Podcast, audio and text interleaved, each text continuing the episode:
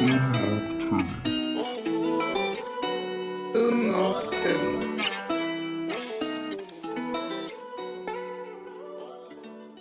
Hej och välkomna till Ung och Tung i Mölndal. Jag som pratar heter Filip och med mig har jag... Hanna. Karid. Och Per-Olof. Ja, idag välkomnar vi dig Per-Olof, en forskare på AstraZeneca. Kan inte du berätta lite kort om vem du är och vad du jobbar med? Jag var ju född, föddes redan 1955. Era föräldrar är nog eh, yngre än jag tror jag.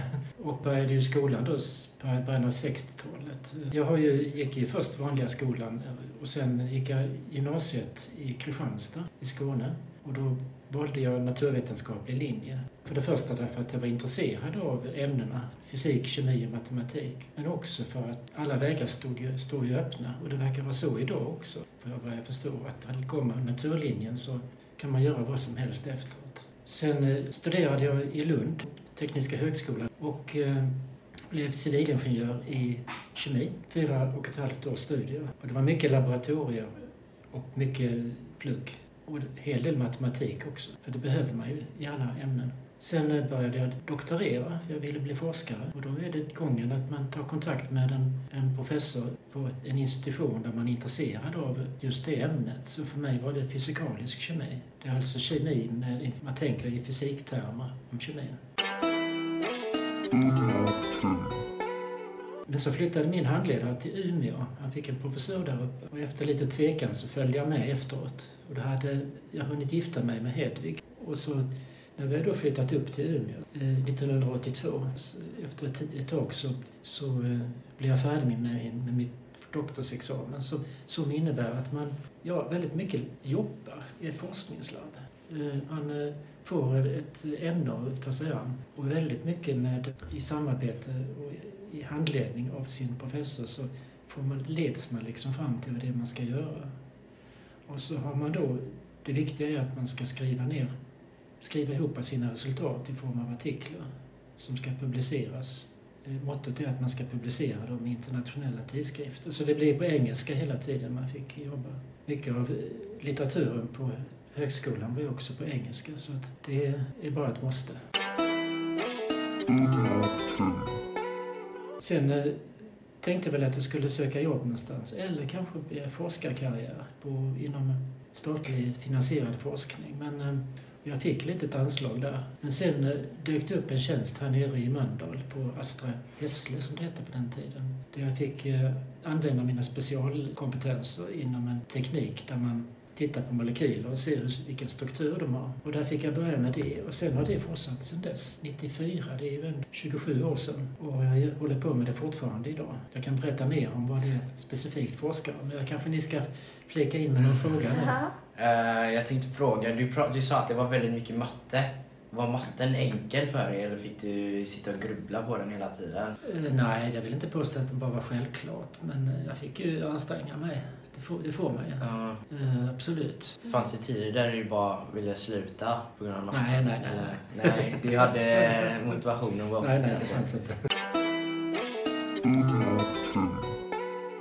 Har du någon förebild inom, alltså när du var yngre då, hade du någon förebild inom vetenskapen som typ Einstein eller något sånt där? Ja, det får jag tänka efter. Jag har inte tänkt så mycket på det, men du nämnde ju en väldigt respektfull person, Einstein. Ja. Eh, Men sen fanns det väl förebilder också lokalt bland professorerna på institutionen. Mm. Eh, Jag hade ju en Sture Forsén och en som heter Håkan Wennerström. Det som karaktäriserade dem var ju att de var väldigt noga med vad de uttalade sig om. Så att, och det sa Håkan Wennerström vid en, vid en sammankomst en gång sen att det viktigaste mottot för en forskare, det är att tala sanning. Mm. Det är det, det är det viktigaste man ska tänka på. Sen om man är kunnig på det ena eller andra, på kemi och fysik och matte och så. Men det, det viktigaste man ska hela tiden tänka på, det är kan jag säga det här med säkerhet? Tror jag på det jag säger? Har jag anledning att tro på det? Och det var, det var gripande att det var en sån eh, koncentration på just det. Man, det är klart att eh, man ljuger ju inte medvetet. Men det, det som är poängen med det han sa var att man ska inte slapp,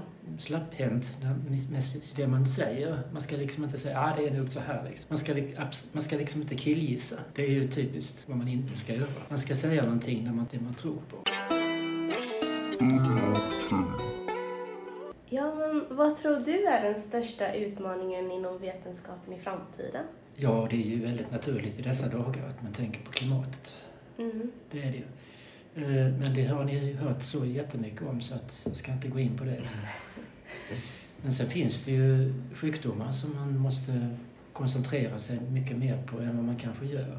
Eh, Det går ju väldigt mycket framåt när det gäller både hjärta och kärl och sådant. Och, men det som verkligen behövs det är ju mer, fler och bättre mediciner för cancer. Mm. Och sen måste jag säga psykiatriska sjukdomar. Man läser ju mycket om hur ungdomar mår dåligt. Och eh, där tycker jag man måste sätta in mycket kraft. Liksom mödravård, som är väldigt försummad i många fall. Men just kunskapsmässigt så är det ju då... Eh, ja, det finns ju en hel del sjukdomar som, som man faktiskt kan bota genom att ändra lite i, i DNA, i genomet. Och det finns det tekniker som håller på att komma fram nu när man kan mata in en eh, liten snutt av DNA så den kommer in i kroppen och, blir, och korrigerar sådana här defekter. Om man har liksom en, ett litet fel i någon gen så kan man snart eh, rätta till det. Mm. Typ att man har ett fel som gör att man saknar ett enzym som inte gör att inte man kan bryta ner protein ordentligt och liknande. Där är det väldigt mycket spännande saker som händer. Ja, det här är CRISPR, heter det. då. Ja, du är, du är, in, du är inläst på det. Ja, har jag. Bra.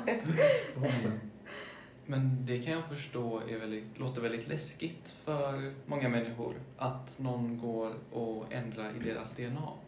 Eh, Jag har hört det som skräckargument mot vaccinationer att oj, oj, oj, de här ändrar ditt DNA. Om, även om det inte stämmer för just coronavaccinationen eller de som vi hittills har haft. Mm.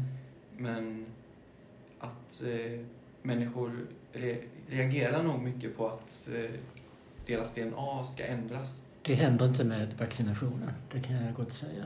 Men däremot den här CRISPR-tekniken, den finns inte så att den är tillämpad på människor än. Det är just därför att eh, visserligen kan man komma på hur man ska göra för att rätta till en, en, en felaktighet i en gen. Men man måste först vara absolut säker på att det är säkert. För det är så upplagt för att det ska bli cancerformer och annat. Att, att, att, eh, att det var bra att du tog upp det här med vaccinationen. Många av vaccinen har ju just det här att det är en liten eh, fettboll som innehåller RNA. Jag kan förstå att man börjar tänka i de banorna när man läser om vad det är. Det händer, skulle jag vilja säga, inte. För den mas- det maskineri som behövs för att faktiskt inkorporera det här eh, nukleinsyrorna och RNA i arvsmassan, det, det, det finns inte där. Det, som på CRISPR till exempel. Där förser man cellen med, med de proteiner också som ska fixa det. Så i vaccinationerna finns det, det finns ingen möjlighet att de ändrar i ens DNA. Jag, kan, jag, kan, jag är inte expert på det, men jag har faktiskt inte tänkt på den möjligheten. Och, men vad jag kan förstå så är det absolut ingenting man ska vara rädd för. Det är ju väldigt viktigt att eh, man, eh, man vaccinerar sig, inte minst för solidaritet med andra. Mm. För det finns ju de som inte kan vaccinera sig av olika skäl. Ja. Eh, apropå coronapandemin som vi håller på att prata om nu. Har ditt jobb påverkats av den? Ja, det kan man verkligen säga. Vi var ju väldigt få för ett, ett drygt år sedan på jobbet. Alla var uppmanade till att jobba hemifrån eh, som kunde det. Och då, det var liksom en femtedel, en sjättedel av personalen var på jobbet. Nu är alla tillbaka, jag blir nästan lite skrämd. Oj, var det så många? Och köar till maten idag. Det har ju påverkats så att vi var tvungna att gå med, med andningsmask. Och det... Och att hålla avstånd och många regler. Det var nog den säkraste platsen som man kan tänka sig att vara på under pandemin. Även om det var folk som blev sjuka. Men vi vet ju inte om det blir, de blir sjuka och smittade på jobb, jobbet eller någon annanstans. Men sen har vi ju, har ju då, vi har ju själva, AstraZeneca har ju själva ett, ett vaccin som har distribuerats i stora mängder runt om i hela världen. Jobbade du med det? Nej, det gjorde jag inte. Men, eh, nej, det, men jag har väldigt stor respekt för det. Det, är, det, ser, det har kommit ut... Man, man, man, eh, distribuerar det utan egentligen någon vinst. Utan man, det här är officiellt. Mm. Det vet man i, från så mycket av, många, många doser, miljarders doser gick ut till exempel till eh, olika länder, i, i synnerhet tredje världen. Där man fick betala för liksom tillverkningen. Men inte någon sån här vinst som ska göras. Hur är det att arbeta på AstraZeneca? Det är ju massa grejer som händer runt omkring. Tänker du på det? Runt omkring, du menar? Alltså jag menar, okej, cancerområdet där borta och sen är det flera olika områden. Ja. Att de forskar fram ett bot och alltså ett, någonting slags vaccination eller botemedel till olika själv. Alltså, blir så här eh, motiverad till också till att hitta något slags botemedel? ja, det är klart. Det är ju därför man är där. Ja. Eh, Men jag hittar inte på själv saker och ting. Jag är inte på den nivån. Det finns de som försöker hitta nya sätt att hitta andra sak, nya saker. Men jag är inte riktigt där. Jag, har, jag är mer lite mer tekniker, Mm. fysikal, fysikalkemist. Men eh, man hör ju hela tiden om hur det går för olika projekt. Mm. Och eh, senast nu igår och idag hade vi en, en videokonferens där man fick veta mycket om vad som händer i andra projekt. Ja. Så det är ju stimulerande. Mm. Sen jobbar man ju själv i en liten grupp, eh, lite olika konstellationer. Så ibland har man kontakt med projektgruppen och då sitter man och planerar experiment som man ska göra och, eh, och utvärderar experiment och presenterar sina egna data. Sen har man ju den lokala gruppen som håller, där då, det, det gemensamma där det är att man jobbar med just ett projekt, ett protein som man vill studera noggrant för, på grund av en viss sjukdom. Men man har ju då dels att man är i kontakt med de som håller på med samma sjukdomsområde, samma underprojekt inom ett sjukdomsområde. Och då träffas man regelbundet, kanske varannan vecka. Antingen på plats eller via Teams. Men sen har vi också den lokala gruppen som använder samma instrument och samma tekniker och så. Och där är det mer en daglig kontakt. Man träffar sina kompisar i gruppen Mm. som gör lite samma saker. Men vi jobbar med olika projekt. Och det är en... Och sen är det också mycket... Nu håller vi på att bygga om mycket, så det har varit väldigt mycket kontakt jag haft med byggarbetare sista tiden. Det har varit riktigt roligt. Ja, men det har man ju sett när man åkt förbi. Ja. Ja, det är spännande. Det Mm. kanske är framtiden där. Och apropå framtiden, hur var det förr? Eller när man tänker tillbaka i tiden. Hur var det att jobba med naturvetenskap då? Ja, jag, det, jag har ju varit på AstraZeneca i 25 år. Mm. Men jag tycker det är samma inställning till saker och ting som var på den tiden. Man har ett projekt man ska göra och så eh, tillsammans med människor. Sen är det ju det att idag är det mycket större. Man har kontakt med fler. Man har kontakt med folk i England framförallt, men man har kontakt med eh, folk i USA. Så mycket av mötena är alltså mellan alla sajten som det heter, alla Mm. anläggningarna. Eh, Sen har vi en ny, andra tekniker också så att vi har eh, mycket mer datorbaserat.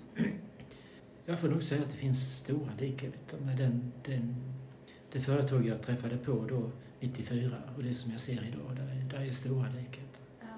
Det som är roligt också, ju, den sista tiden har det kommit mycket studenter till oss. Därför att om man har doktorerat så brukar man göra en så kallad po- postdoc, alltså en, en period efter doktorerandet där man jobbar på prov lite grann, eller jobbar kortare tid. Då är man avlönad. Och vi har väldigt många sådana här postdoc. Det är ungdomar i 25-30 års åldern som har blivit färdiga med sin utbildning men gör liksom en praktik. Mm.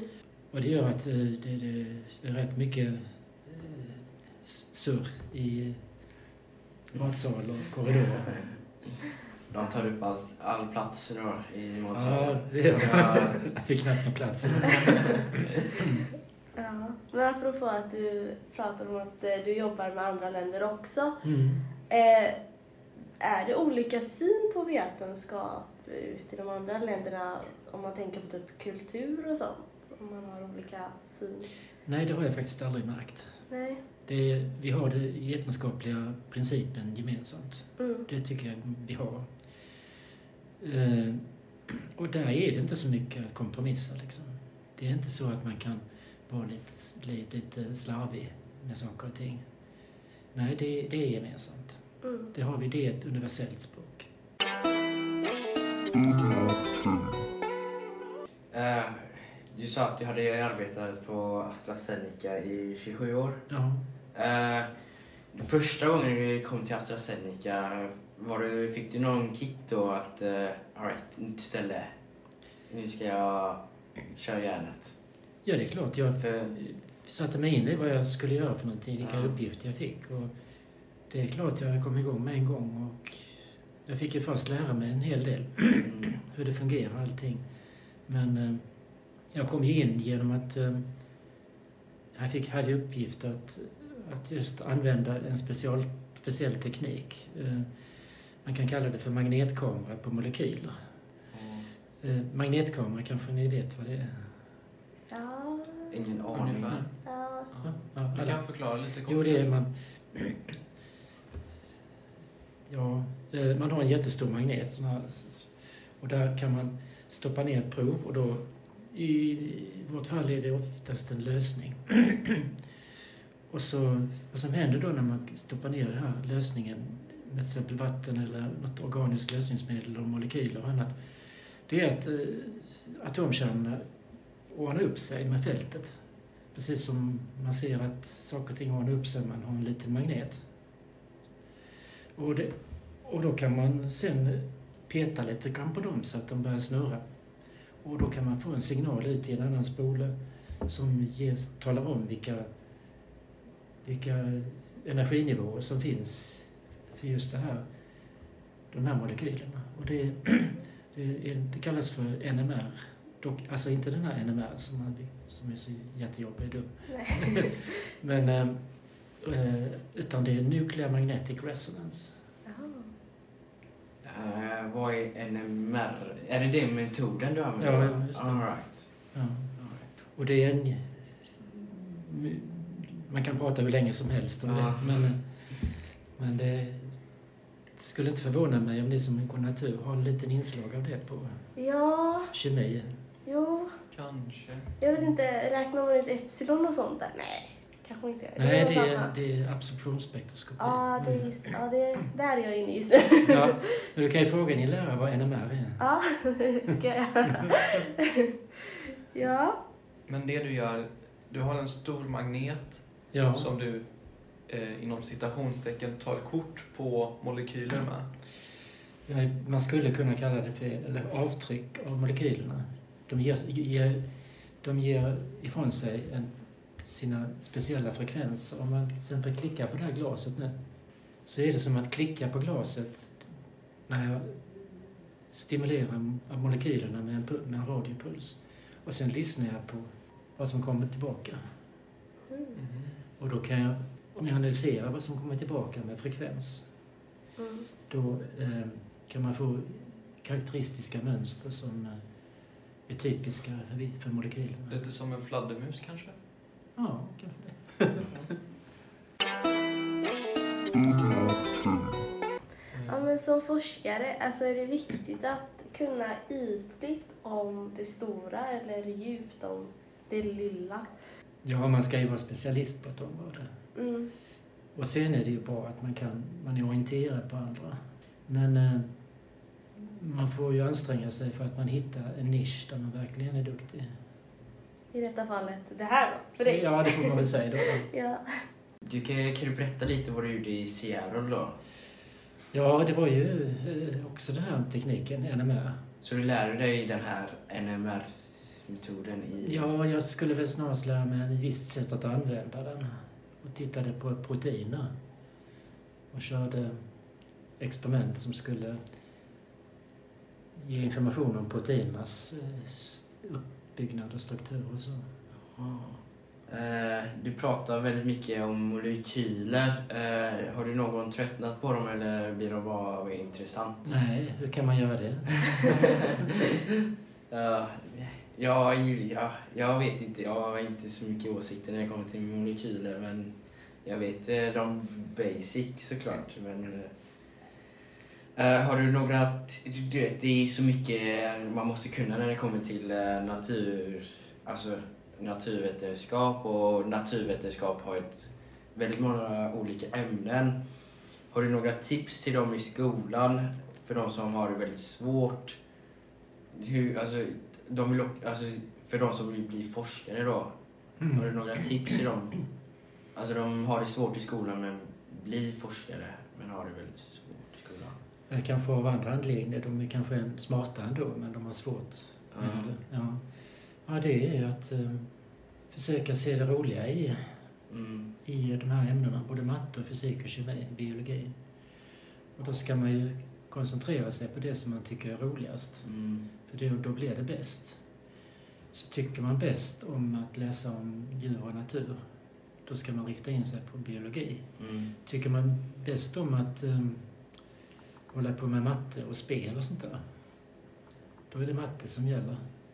När jag var, när jag var i 8-10 års ålder så gjorde jag massa sådana här brädspel. Så jag konstruerade spel av olika slag. Och, och det var lite grann samma sak som sen att jag kom att börja programmera. Började programmera lite lätt, bara för skojs skull. När, när började du programmera? Det första jag gjorde det var väl som doktorand. Nej, jag hade ju lite grann på grundutbildningen också. Mm. Men att verkligen använda det var ju på grundutbildning, på, på, som doktorand, ja. Men idag har man ju chans att göra det mycket tidigare. Bara en sån sak om till exempel ha en lista med namn och så Mm. en annan lista med adresser och sen så foga ihop dem så att rätt adress kommer till rätt Ah. person och det, bara en sån sak är ju programmering. Ja. Vad, alltså fastnade du bara för programmering eller du inte, har du haft det hela tiden, den tekniska delen då? Ja, det kan vi säga att eh, det finns vissa väldigt tydliga användningsområden. Att eh, analysera data och Mm. göra anpassningar. Eh, det är faktiskt någonting som ni utan vidare också kan göra. Eh, om man har en kurva, till exempel en, en, vad säger, en andragradskurva, Ja. och så har ni en del mätpunkter. Andragradskurva vet ni ju att den karaktäriseras av eh, koefficienter eller kanske bara en linje? Lutning och eh, intercept. Eller, och då ska hitta den bästa linjen som passar till data. Mm. Det kan ni själva klura ut med ett Excel-blad. För för varje punkt ni har så räknar ni ut hur långt punkten ligger från linjen. Och sen tar ni kvadraten på det. Och sen tar ni summan av alla kvadrater. Och sen ändrar ni på den här lutningen och interceptet så att den här avvikelsen blir minimal. Det är typisk programmering.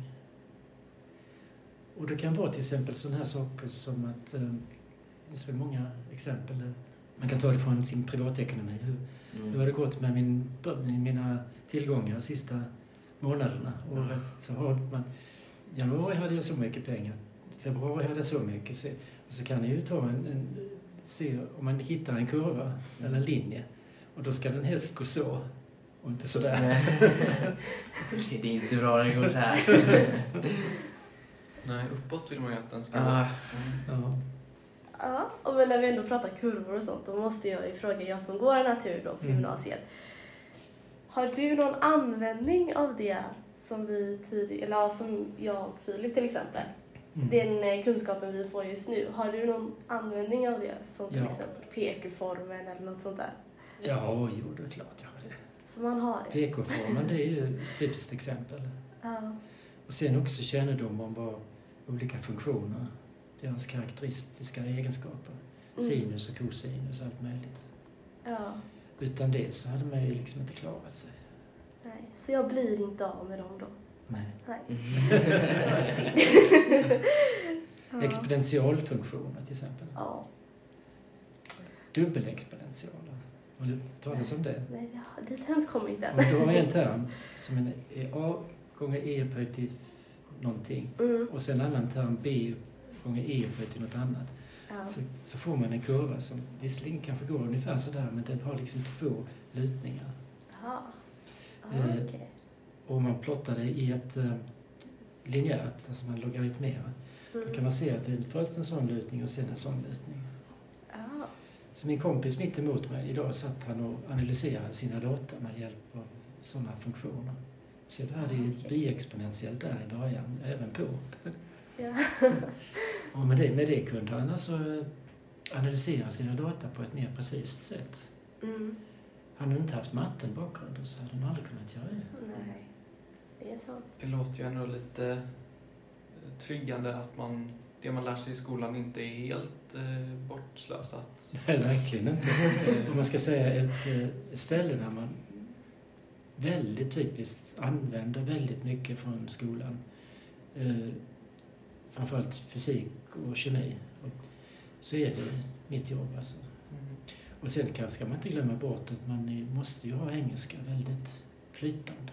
Man måste kunna behärska engelska flytande. Sen är det inte nödvändigt med mer än engelska för all, man kan göra allting på engelska på företaget. Ja. Men det är ju alltid bra att kunna lite tyska så att för skojs skull.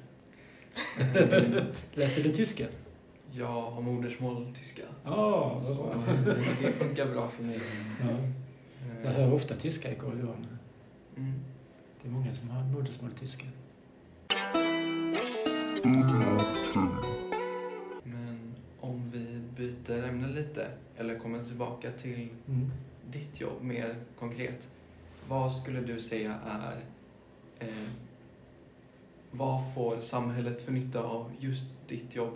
Vad finns det för effekt av eh, din forskning? Ja, det, det är ju huvudsyftet med eh, hela verksamheten. Att vi ska, vi ska forska fram mediciner som hjälper folk till ett bättre liv. Det är det det handlar om.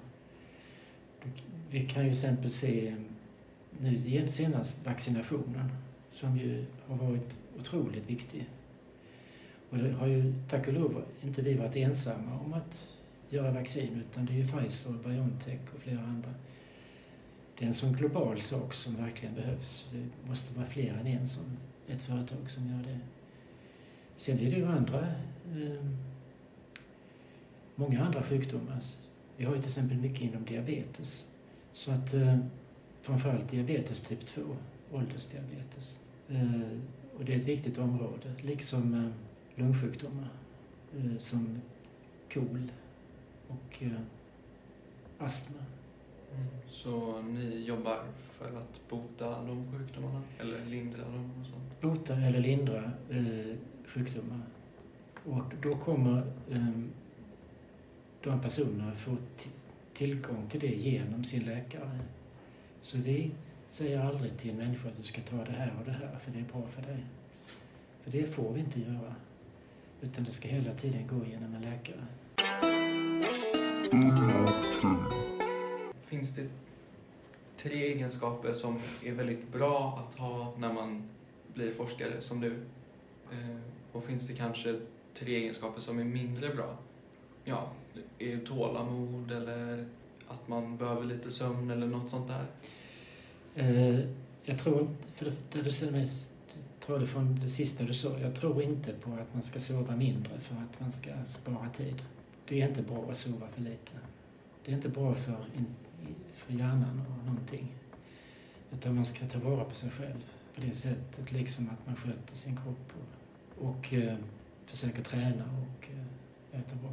Det, man ska leva ett gott liv i den bemärkelsen att man ska sova gott, man ska, man ska eh, träna eh, rimligt mycket, röra på sig. Sen de speciella egenskaperna, man får, det är bra om man har, har eh, lätt för att läsa, lätt för att lära sig och även att analysera, att tänka. Att eh, hitta metoder för att eh, om man försöker sitta och lösa ett problem, ni känner igen det från matte och annat, va? då kan det vara bra att resa på sig och gå runt en sväng och tänka, ta med sig problemet och tänka på det och sen kan man plötsligt komma på någonting när man kommer tillbaka till skrivbordet. Så att det, det måste ju vara, det, det behövs en uthållighet och det behövs, eh, ja det behövs att man begriper, man begriper sig på saker och ting någorlunda bra. Man kan ju träna upp det på olika sätt. Ja. Finns det någon egenskap som är väldigt dålig, alltså som gör att man passar dåligt till ditt yrke? Eller det kanske inte finns, jag vet inte. Ja, man kan ju gå tillbaka till det jag berättade om mina professorer. Som, eh, om du har det egenskapen att du liksom vill ta eh, en genväg och få lite uppskattning och berömmelse för, för, en, för att du har upptäckt någonting eller konstaterat någonting. Då får du absolut inte falla för frestelsen att vara lite slarvig. Ah, det är så här liksom. Det du absolut inte får göra som forskare, det är att killgissa. Ni vet vad det är va? Nej. Nej, jag vet inte. Vet inte vad det är?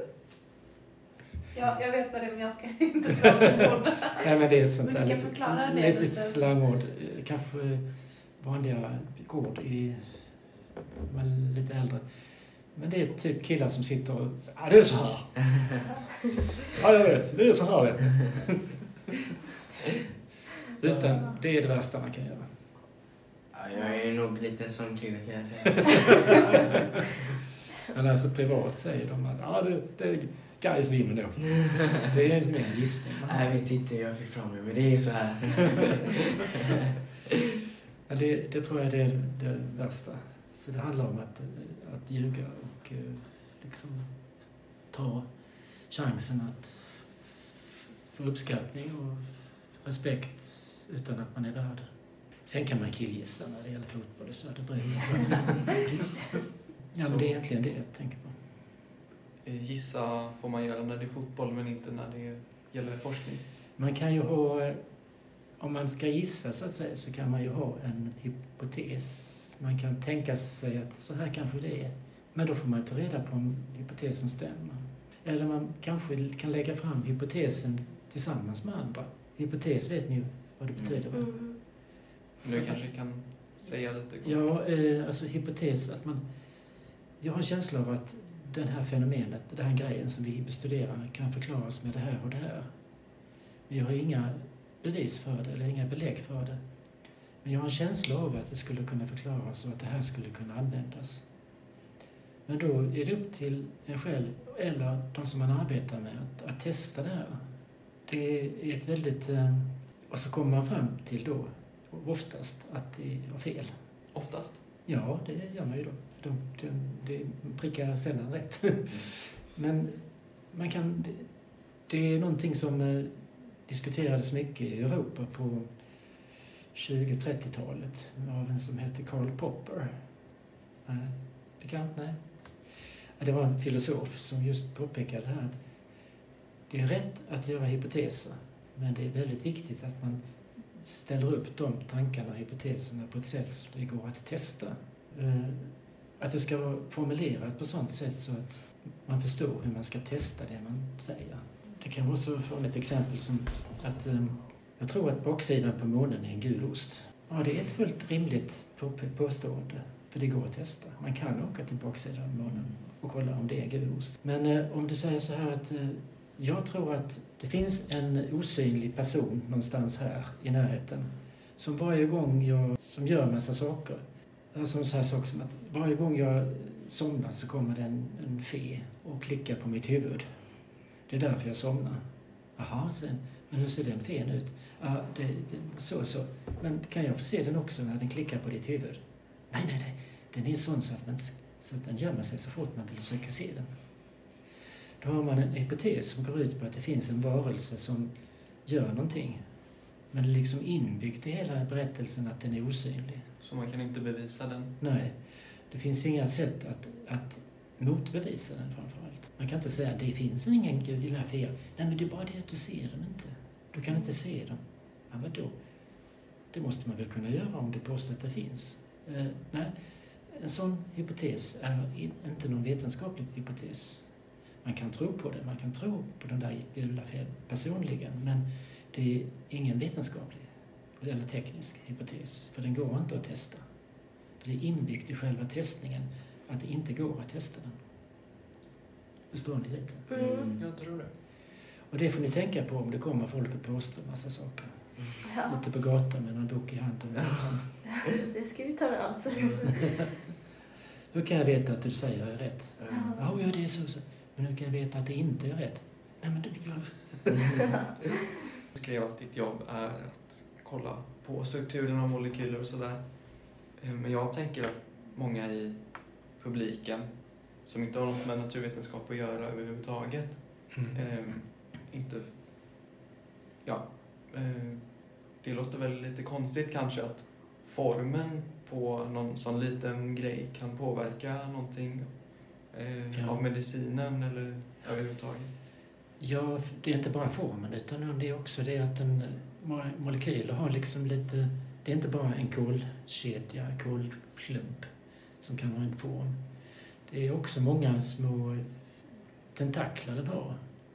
Till exempel en hydroxylgrupp som pekar ut åt ett visst håll och en, en, en aminogrupp som pekar ut åt ett annat. Och då kan det finnas partners i ett protein som den fäster sig på. Sen har ju också själva formen betydelse för att den ska passa in i en ficka i ett protein till exempel. Och likna det substrat som, som eh, annars brukar docka in där. Substrat, enzymer. Mm. Det är bekant lite. Ja. Ja. Så att visst, det är ju det som gör att en molekyl har en egenskap. Så strukturen och sånt där har mycket påverkan på med, ja, molekylens, medicinens egenskaper. Mm. Ja, det var intressant. Men jag hoppas ni känner er glada inför att, att eh, hålla på och läsa och eh, för det lönar sig. Mm. Det gör det. Man blir inte stormrik, då ska man kanske gå en annan, väg. Men, men man får ett rikare liv ifall man Mm. läser mycket och lär sig mycket. Och det kan vara allt från det ena till det andra. Så lycka till nu. Ja, tack så Tack för att ni kom. Mycket. Mm. Tack. Tack. Ja, Jätteroligt tack att träffa du er. Detsamma. Ja. Mm. Och tack för att ni lyssnade. Vi ses om... Nej, vi hörs om två veckor. Om ni också tycker det. Ja. Ja. Ska vi säga hej då? Hej då. Hej